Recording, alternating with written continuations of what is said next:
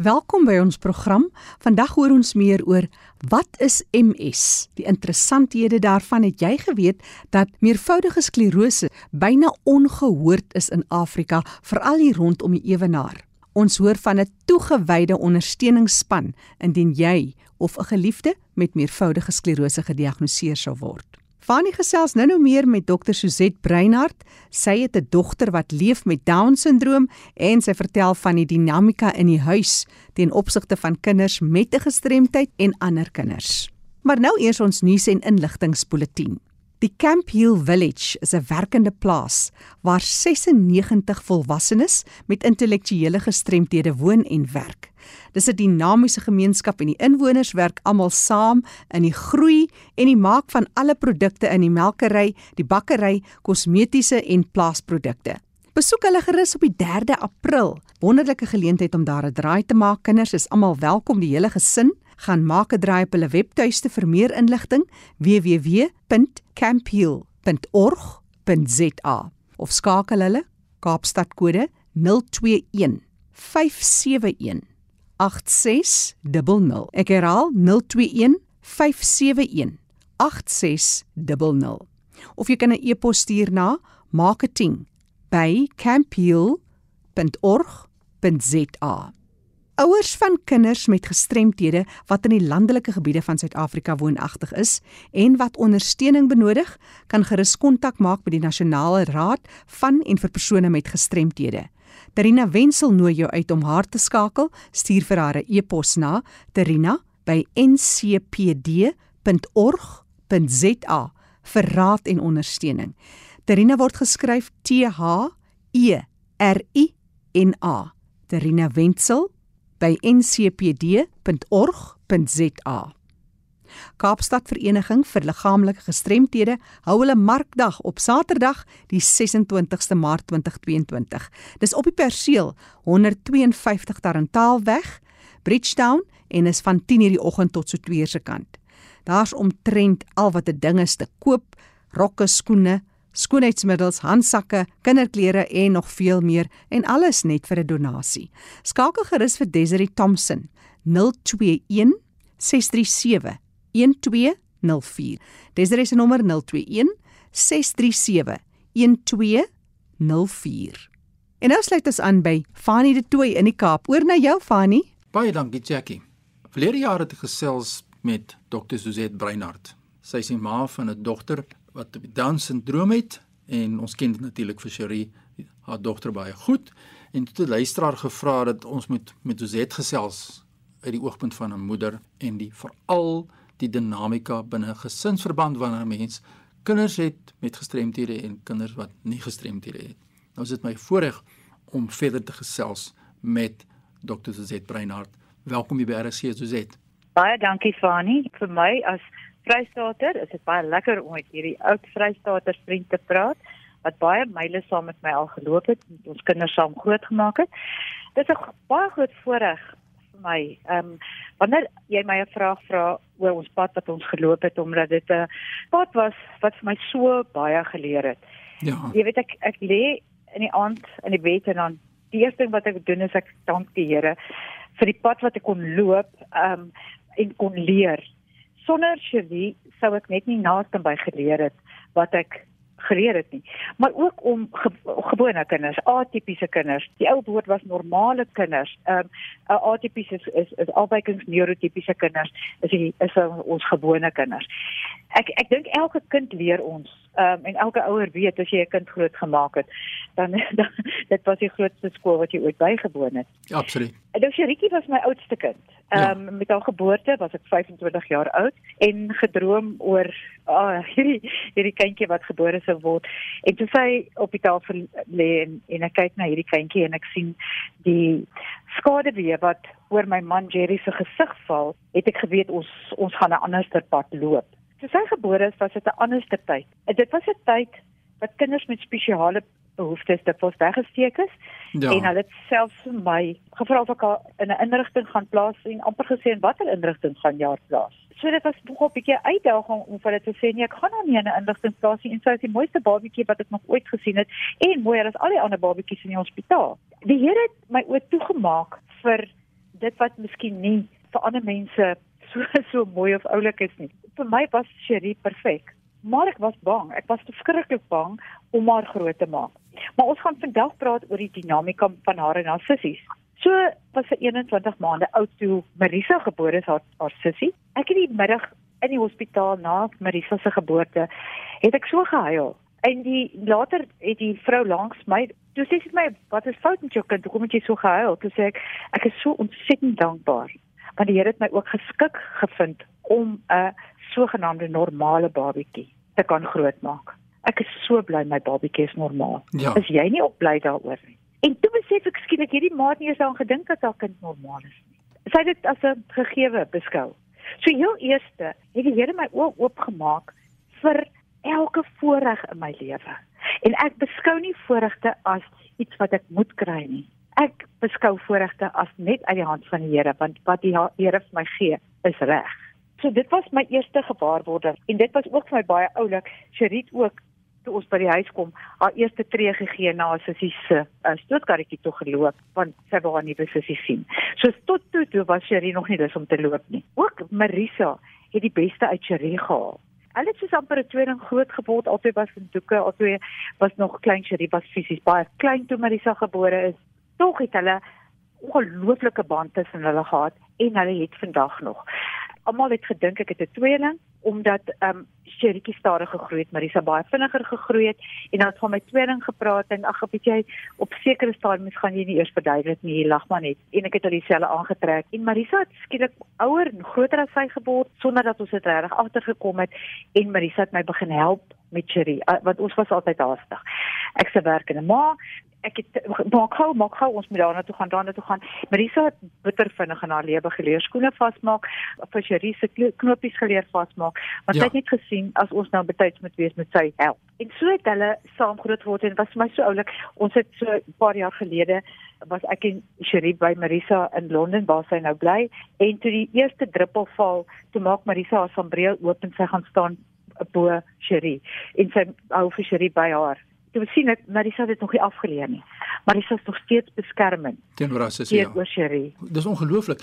En nee. dit is die punt van jy verwys na die normaliteit, jy weet wat ons geboelie word oor die term normaliteit en die ja. gemeenskap ja. was anders daardie jare soos jy genoem het ons ken mekaar oor vele dekades baie dinge saam aangepak daar in Bloemfontein maar die aandag word tog soms gefestig vir verskeie redes op die kind met gestremdheid Wat was jou waarneming die sussie se reaksie op haar sussie wat nou gestremd is? Sy het groot geword in 'n huis waarin ons Cherie as 'n Down syndroom. Weet jy, ek gaan nie glo maar daai tyd het ons van 'n Mongolië gepraat. Want dit is soos ons gepraat het daai ja. tyd, mens mag dit nie meer noem nie.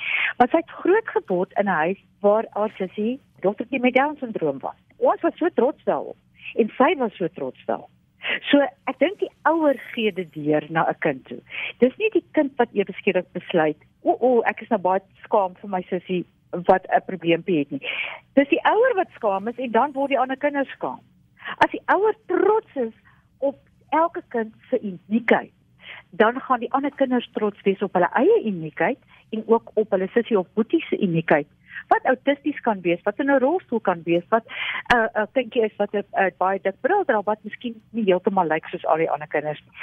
Ek dink die ouers moet meer met selfvertroue en genot elke kind geniet vir sy andersheid. Sy het baie keer skuldig gevoel mm. dat dat sy makliker leer. Ehm um, en dan het ek dit so beklemtoon dat in ons huis gaan een makliker leer en die een gaan moeiliker leer. Maar een wat makliker leer het 'n verantwoordelikheid om nou die een te help wat moeiliker leer. Ja. So saam met die voorreg om so genaamd ehm uh, normaal te wees, het die verantwoordelikheid gekom. As ek hierdie gawe van die Here ontvang het om 'n uh, 'n brein te hê wat hoogs funksionerend is, dan het ek ook die verpligting om my brein te gebruik. As rit terugkom van die skool af en sy 50% het ek my hande geklap en as Marisa teruggekom het sin sy 80%, het ek sê my hartjie, maar jy kan mos regtig beter doen.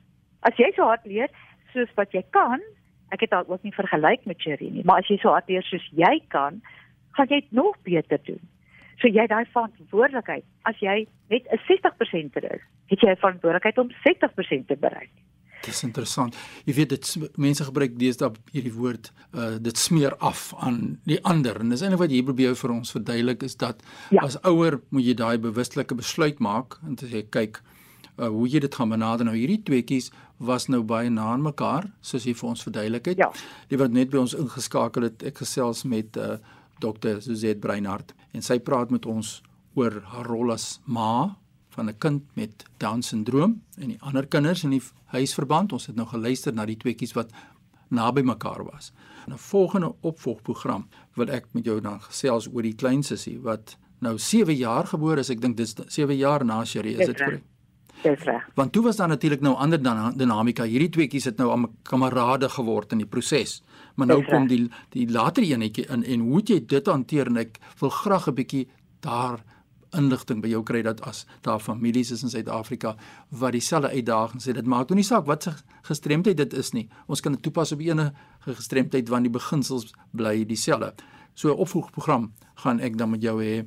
Uh, dan praat ons daaroor soos dit. Is daar enige laaste boodskapie so voor ons jou kontak besonderhede deurgee aan die breë gemeenskap wat jy net vir ons wil sê oor ouer wees, ouerskap kinders met gestremthede so ter afleiding van ons gesprek vandag voordat ons jou kontak besonderhede deurgee.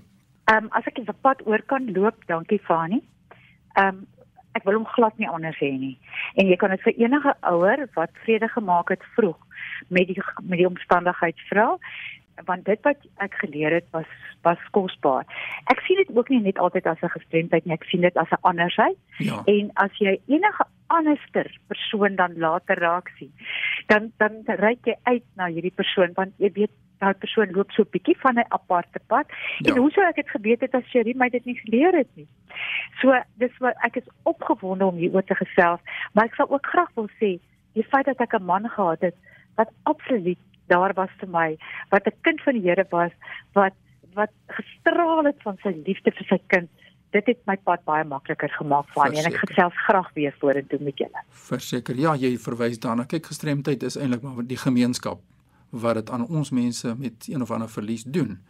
Die kind het daardie verlies of ek het daardie gehoor verlies totaal maar gestremdheid kom in wanneer die gemeenskap ontoeganklik is en hulle denke of ja. fisiese toeganklikheid en daaroor ja. kan mens boekdele skryf so waar kry mense vir jou aan die hande dit Ek sal graag kontak maak, Cherie gesels ook nou weer by by plekke. Weereens gebruik die Here haar om by plekke te gesels oor wie sy is en hoe haar pad geloop het. Uh my telefoonnommer is 083 4150459. Skakel my gerus en my e-posadres is breinard.s@gmail.com. Jy is welkom oor enigiets te skakel. Herhaal ons en hy telefoonnommer asseblief. 083 41 50459. En dit is die mening van Dr. Tuzet Breinhardt van Bloemfontein en sy het haar hart oopgemaak vandag met ons in 'n volgende program soos het gesels ons dan verder oor die ander kinders in die familie. Groetnis van ons hier by RSG. Baie dankie Fani, groetnis uit Bloemfontein dis die leefwêreld van mense met gestremthede, ouerskap en dis meer. As jy 'n boodskap aan my wil stuur, my e-pos is fani.dt by mweb.co.za. Terug na jou in Johannesburg, Jackie. Baie dankie aan jou Fani de Tooi daar in die Kaap en ook baie dankie aan hierdie besondere mamma wat haar storie vandag met ons gedeel het. Ek gesels nou oor MS, meervoudige sklerose, 'n siekte van die sentrale senuweestelsel. Ons hoor nou meer oor wat dit is want ek gesels met Non Smit. Sy is van MSSA, dit staan vir meervoudige sklerose Suid-Afrika. Non, vertel ons eers wat is MS? Die maklikste manier om te verstaan wat met MS gebeur is om jou liggaam as 'n elektriese stroombaan te sien met jou brein en jou rugmurg na die kragbronne en jou ledemate en die res van jou lyf sien nou maar die ligte jou rekenaars en die TV's en so So jou senuwees is die elektriese kabels wat alles aan mekaar verbind. En daai miljoen is die isolasie om die kabels. So stel jou voor dat daai isolasie is beskadig en die gevolg is foutiewe of temperamentele toerusting en kortsluitings. Non, dankie vir daai verduideliking. Vertel ons wie kry MS en wat is van die simptome? Die ontwikkeling van MS is nie 'n mens se skuld nie en dit het niks te doen met jou lewenstyl of jou gedrag of hoe oud jy is of watter groep jy aanbehoort nie. Alhoewel niemand nog seker is waarom mense MS kry nie, blyk dit uit navorsing dat dit veroorsaak word deur 'n kombinasie van genetiese en omgewingsfaktore. Dit word nie direk geërf nie en anders as sekere toestande word nie veroorsaak deur deur een foutiewe geen nie, maar dit lyk of daar 'n genetiese komponent is. Dit beteken nie dat jou familielede ook MS sal ontwikkel nie, dit is belangrik om dit te weet. Die omgewingsfaktore wat belangrik is, en aardig genoeg uh, vir ons hier in Afrika Hoe verder jy van die ewenaar af woon, hoe groter is die moontlikheid dat jy MS kan ontwikkel. En so dis een van die redes waarom dit redelik algemeen is in Brittanje en selfs in Skotland as in die res van die Verenigde Koninkryk, Noord-Amerika en Skandinawië en so aan. Maar is feitelik ongehoord in Afrika, byvoorbeeld eh uh, Maleisië of Ecuador, daar is dit baie ongewoon. Die rede hiervoor is heeltemal onduidelik vir ons, maar is moontlik dat dit iets in die omgewing is wat MS kan aktiveer. Ongeveer 85000 mense in die Verenigde Koninkryk het MS. Dis omtrent 1 uit elke 1000 mense of 1 uit elke 500 mense in Skotland. So dis dubbel soveel daar. Daar word geskat dat omtrent 5000 mense in Suid-Afrika MS het. Die meerderheid van mense wat MS het, is dan gediagnoseer tussen die ouderdom van 20 en 40 en hoewel dit natuurlik in ouer mense kan voorkom en minder dikwels in kinders, sien ons deesdae dat dit wel in kinders voorkom en dit kom ook amper 3 maal soveel keer voor by vrouens as by mans. So ons noem dit soort van 'n vroue siekte. Wat sonder jy uit as van die mees algemene simptome van meervoudige sklerose, MS? Sensoriese aanraakprobleme, byvoorbeeld 'n doodse gevoel of 'n kriebelrigheid in jou hande en jou voete. Daar's sigprobleme soos belemmerde of dubbelsig of tydelike blindheid in die een oog. Daar's 'n verskriklike uitputting. Ons praat deesdae baie van die MS fatigue. Dis 'n oorweldigende gevoel van moegheid. Fisies en geestelike aktiwiteit is baie baie moeilik as jy so voel. Jy voel dodelik moeg. Pyn is 'n groot faktor, verlies aan spierkrag en vaardigheid, probleme met loop, balans en koördinasie, baie spasmas en samentrekking, alhoewel dit nie 'n spiersiekte is nie, blaas en ingewandprobleme, kognitiewe probleme met geheue en denke, mense vergeet van name en so aan, seksuele probleme, daar's 'n geweldige klomp uh, simptome wat mense uh, kry wanneer jy MS het.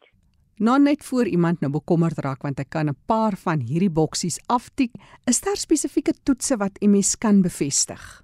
Om MS te diagnoseer, moet dit bevestig word dat 'n aanval in twee of meer dele van die sentrale senuistelsel op twee of meer geleenthede aangetast het. So die een geleentheid mag wees 'n optiese neuritis wat jou oë aantas gaan jy dokter toe en jy word behandel daarvoor en dan gaan lang tyd tussenin en op 'n ander geleentheid is dit dalk gevoelloosheid in jou ledemate of so.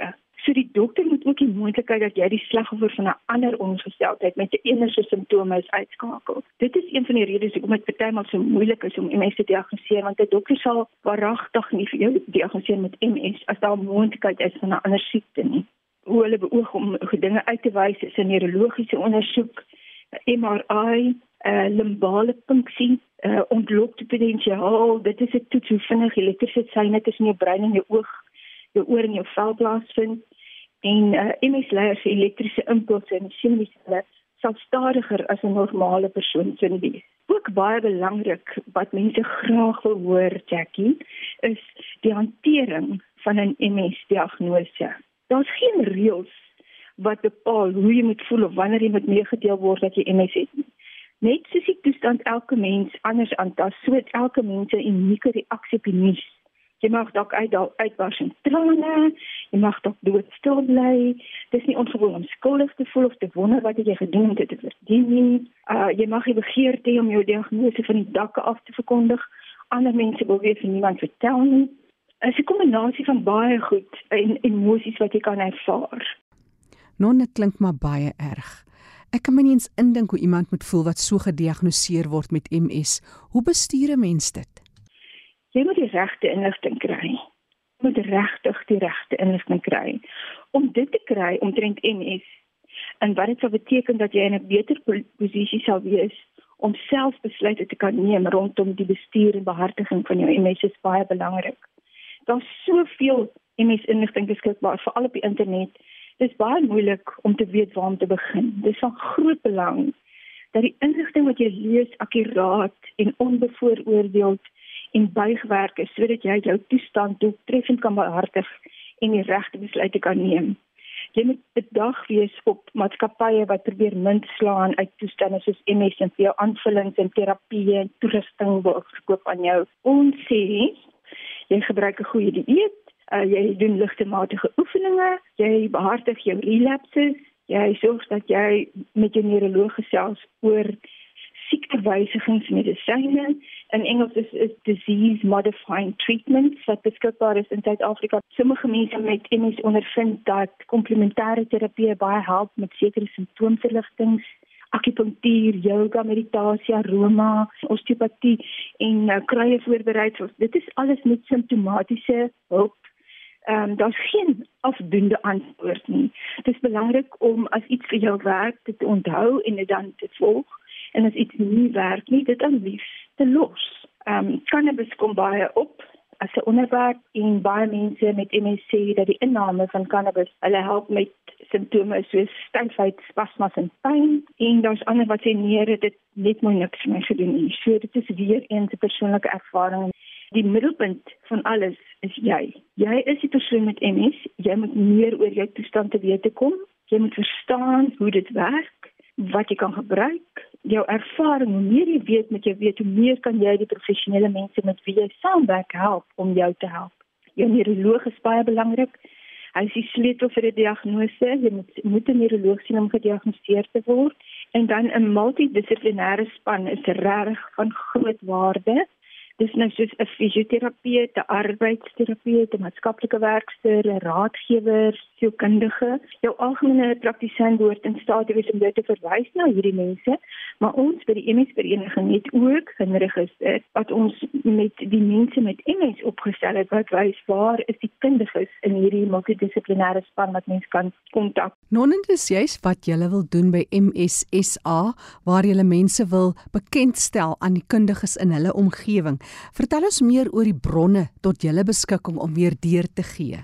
In Suid-Afrika is toegewy aan die ondersteuning van mense met MS, families en versorgers. So ons is die hoofbron van betroubare inligting omtrent dit. Ehm um, ons het 'n hulplyn, ons bied inligting, berading, ondersteuning aan mense met MS. Ons beantwoord vrae oor aanverwante sake, welsynsvoordele, diens, seksualiteit en sulke goedjies en alle oproepe word met die grootste mate van vertroue hanteer. Dan het ons ook publikasies en ons het 'n webwerf. Ons webwerf is vol inligting en ons het groot dinge beplan vir 2022. Uh, ons is ook op sosiale media, dit is ons hoofbron van kontak en ons het 'n groot hoeveelheid ondersteuningsgroepe landwyd, geslote groepe. Alles baie vertroulik, privaat jy sluit aan by MSSA deur te gaan na die web webbladsy en jy klik op membership en dan uh, kom jy in aanraking met ons en ons uh, verskaf jou 'n hele rit van goedjies wat jy kan begin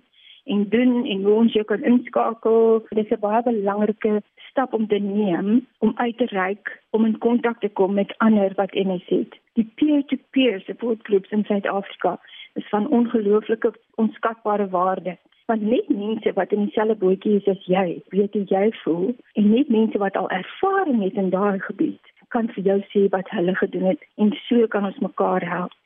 Non jy laat al baie mense deur die organisasie sien kom en gaan.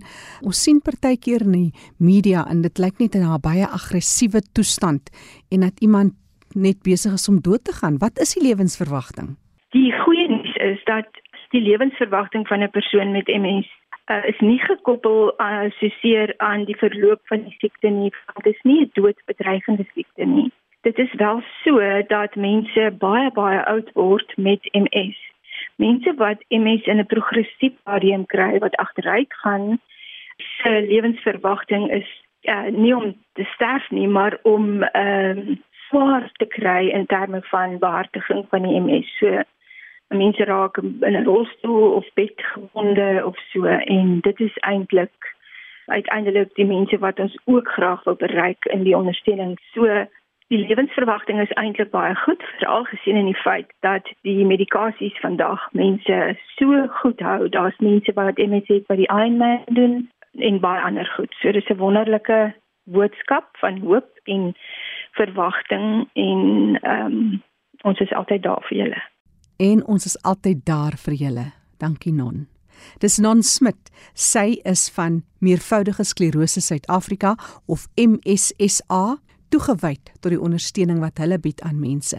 Onthou vir jou WhatsApp boodskap kan jy dit stuur aan 082 5505 486. Ek herhaal 082 5505 486 of stuur 'n e-pos na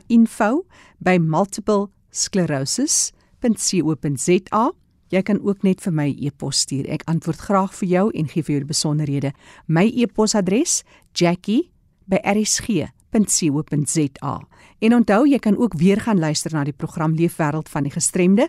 Gaan na ons webtuiste rsg.co.za. Dis beskikbaar as 'n potgooi. Die program Leefwêreld van die Gestremde staan onder leiding van Fanie De Tooy en Jackie January.